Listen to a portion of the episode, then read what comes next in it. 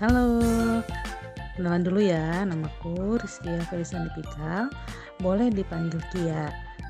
Saat ini bekerja sebagai perawat di salah satu rumah sakit pemerintah. Untuk jadi perawat sendiri sudah dijalani selama kurang lebih 10 tahun sejak lulus kuliah di tahun 2009. Bukan waktu yang singkat ya memang, tapi ternyata juga nggak terasa waktunya ternyata udah 10 tahun. Uh, sebagai perawat yang dikerjakan apa aja sih? Kerjaan utama perawat itu di rumah sakit adalah bagaimana membantu pasien untuk memenuhi kebutuhan dasarnya sejak dia dirawat sampai pasien tersebut pulang. Yang diperhatikan ini ya nggak hanya kebutuhan biologisnya saja termasuk juga yang diperhatikan itu adalah kebutuhan psikologisnya, sosial dan spiritualnya mesti diperhatikan. Kerjaan sehari-hari itu seperti kayak mengukur tekan eh, tekanan darah, mengukur suhu, mengukur juga nafasnya pasien dan juga nadinya. Ini dalam rangka bagaimana kita memperhatikan eh, tanda-tanda vital pasien. Jika ada yang tidak normal, itu harus dilaporkan memandikan, memberi makan, memberikan oksigen itulah adalah bagian dari memenuhi kebutuhan kebutuhan dasar pasien. Lalu juga kita memberikan terapi sesuai dengan instruksi dokter. Nah, itu adalah bagian dari upaya upaya memenuhi kebutuhan dasar e, manusia. Tugas lainnya adalah bagaimana sebagai perawat bertugas juga sebagai edukator yaitu pasien dan keluarganya diberikan edukasi untuk meningkatkan pemahaman mencegah penyakit penyakitnya itu terulang kembali. Kita juga mempromosikan gaya hidup yang lebih sehat dan juga memberi motivasi agar eh, pasien itu lebih bersemangat, lebih berjuang untuk hidup yang lebih sehat. Selain itu juga dalam kegiatan sehari-hari eh, perawat berjumpa dengan tim-tim yang lain ya. Jadi kita juga harus uh, melakukan kerjasama dengan tim yang lain seperti dokter, fisioterapi, farmasi, gizi dan juga dan lain-lainnya. Kenapa sih memilih pekerjaan sebagai perawat? Ya, ini sesuai dengan latar belakang pendidikan saat kuliah.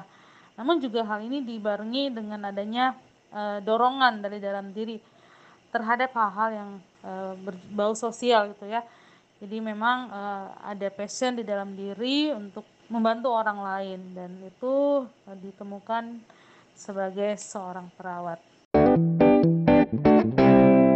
Uh, lingkup kerja perawat itu ada banyak. Kalau yang tadi saya jelaskan itu adalah lingkup kerja yang ada di rumah sakit. Itu bagian dari pelayanan. Namun juga ada lingkup kerja di pendidikan sebagai dosen atau staf pengajar atau staf kampus sebagai peneliti baik itu di rumah sakit, peneliti eh, di bidang pendidikan, peneliti di perusahaan atau juga sebagai entrepreneur misalnya marketing atau membuka usaha mandiri sendiri lingkup kerjanya itu e, bisa di sekolah misalnya sebagai perawat sekolah. Jadi sebenarnya lingkup kerjanya mm, banyak ya. Jadi tidak hanya terfokus kepada pelayanan di rumah sakit atau puskesmas. Nah, untuk di rumah sakit sendiri nggak hanya di ruang rawat tapi juga ada ruang-ruangan tertentu yang membutuhkan keahlian yang memang harus dilatih. Seperti di IGD eh, gawat darurat di ruang intensif di ruang bedah dan anestesi di ruang kemoterapi maupun juga eh, perawatan anak. Nah, dari ruang lingkup yang tadi saya beritahu, apa sih peluang kerja perawat sendiri di rumah sakit, kita bisa di dalam negeri maupun luar negeri. Kerja bisa kerja di puskesmas. Puskesmas peluangnya bisa jadi CPNS, tenaga sukarela atau honorer. Lalu di asuransi. Nah, asuransi ini di bagian klaim atau juga bagian yang berinteraksi langsung dengan customer juga di NGO. NGO itu misalnya kita terlibat dalam lembaga sosial ataupun juga bisa terlibat langsung ke WHO. peluang kerjanya itu di klinik, klinik dokter, klinik pratama, klinik kementerian, maupun juga klinik perusahaan atau tambang di perusahaan bisa sebagai marketing, marketing alat-alat medis maupun juga sebagai entrepreneur teman-teman mungkin bisa membuka WO atau mendirikan home care. Home care itu sekarang ada banyak ya, ada bisa untuk perawatan luka, ada praktek mandiri. Entrepreneur juga itu bisa mungkin mendirikan event organizer untuk mengadakan pelatihan-pelatihan uh, bagi perawatan yang ada di Indonesia. Jadi sebenarnya itu peluang kerjanya banyak ya uh, untuk perawat sendiri. Jadi tidak usah khawatir kalau oh, nanti setelah lulus perawat mau jadi apa. Dunia keperawatan Indonesia menurut saya sampai saat ini terus berkembang. Saya melihat bahwa banyak generasi-generasi perawat muda yang makin kreatif, inovatif, memberikan kontribusi serta terbuka terhadap hal-hal baru. Eh, lima tahun yang lalu kan itu belum ada undang-undang keperawatan ya di mana undang-undang keperawatan ini menjadi payung hukum yang kuat dalam bidang keperawatan. Diatur bagaimana area kerja perawat apa yang membedakannya dengan tenaga medis yang lain di undang ini juga diatur bagaimana sekarang itu perawat sudah bisa praktek mandiri dengan mengikuti ketentuan bahwa harus ada surat izin praktek dan surat tanda registrasi yang diperbarui tiap lima tahun. Dan saat ini juga itu udah mulai banyak ya kekhususan perawat.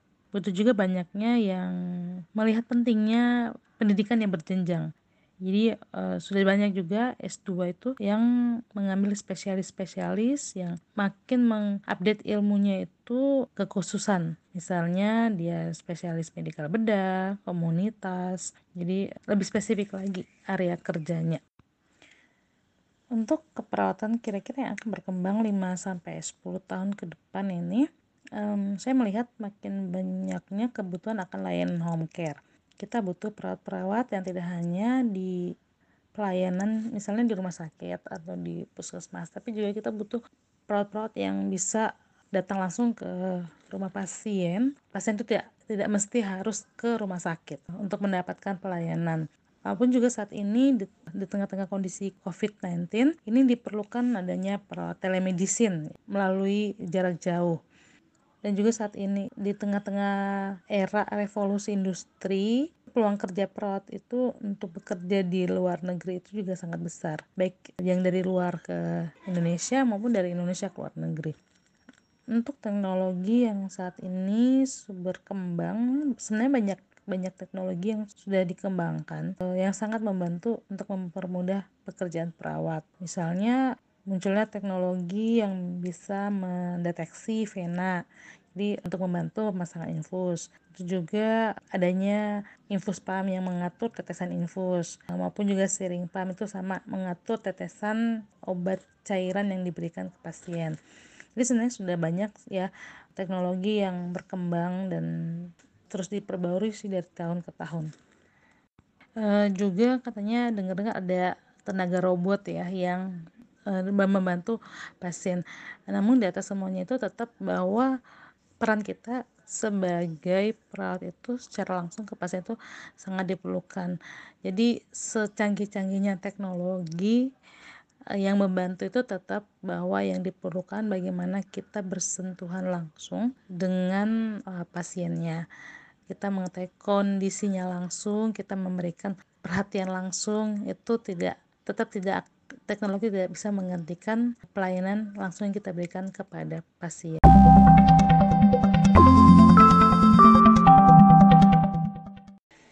Ya, jenjang pendidikan perawat itu ada vokasi atau diploma. Jadi diploma ini dia nanti kuliah 6 semester, ya sekitar tiga tahun lah ya.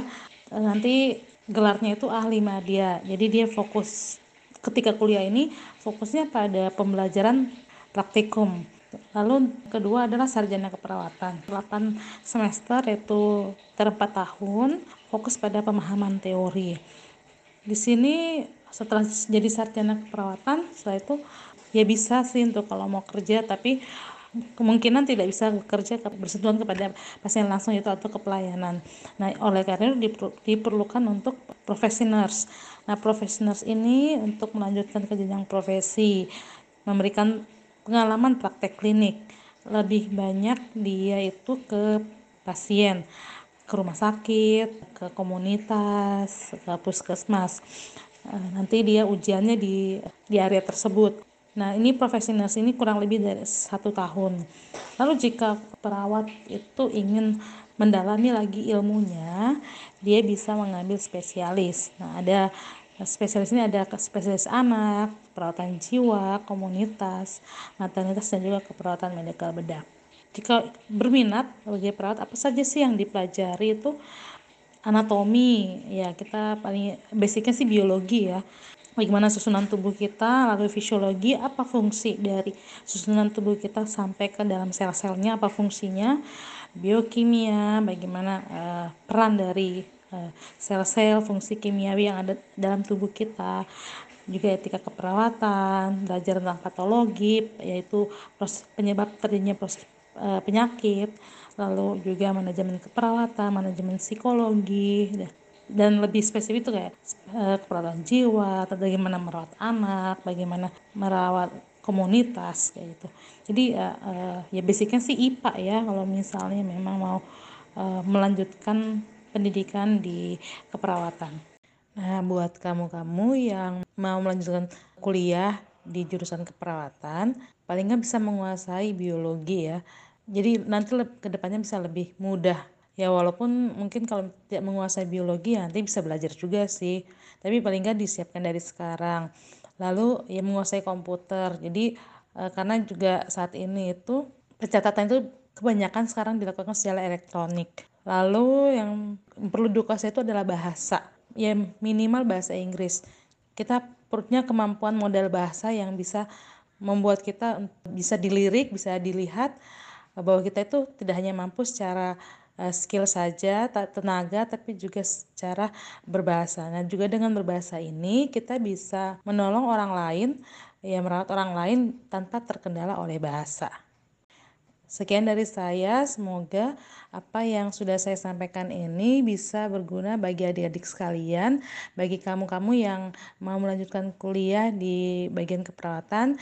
Eh, perawat ini lapangan kerjanya luas dan juga sangat dibutuhkan oleh masyarakat. Sekian dan terima kasih.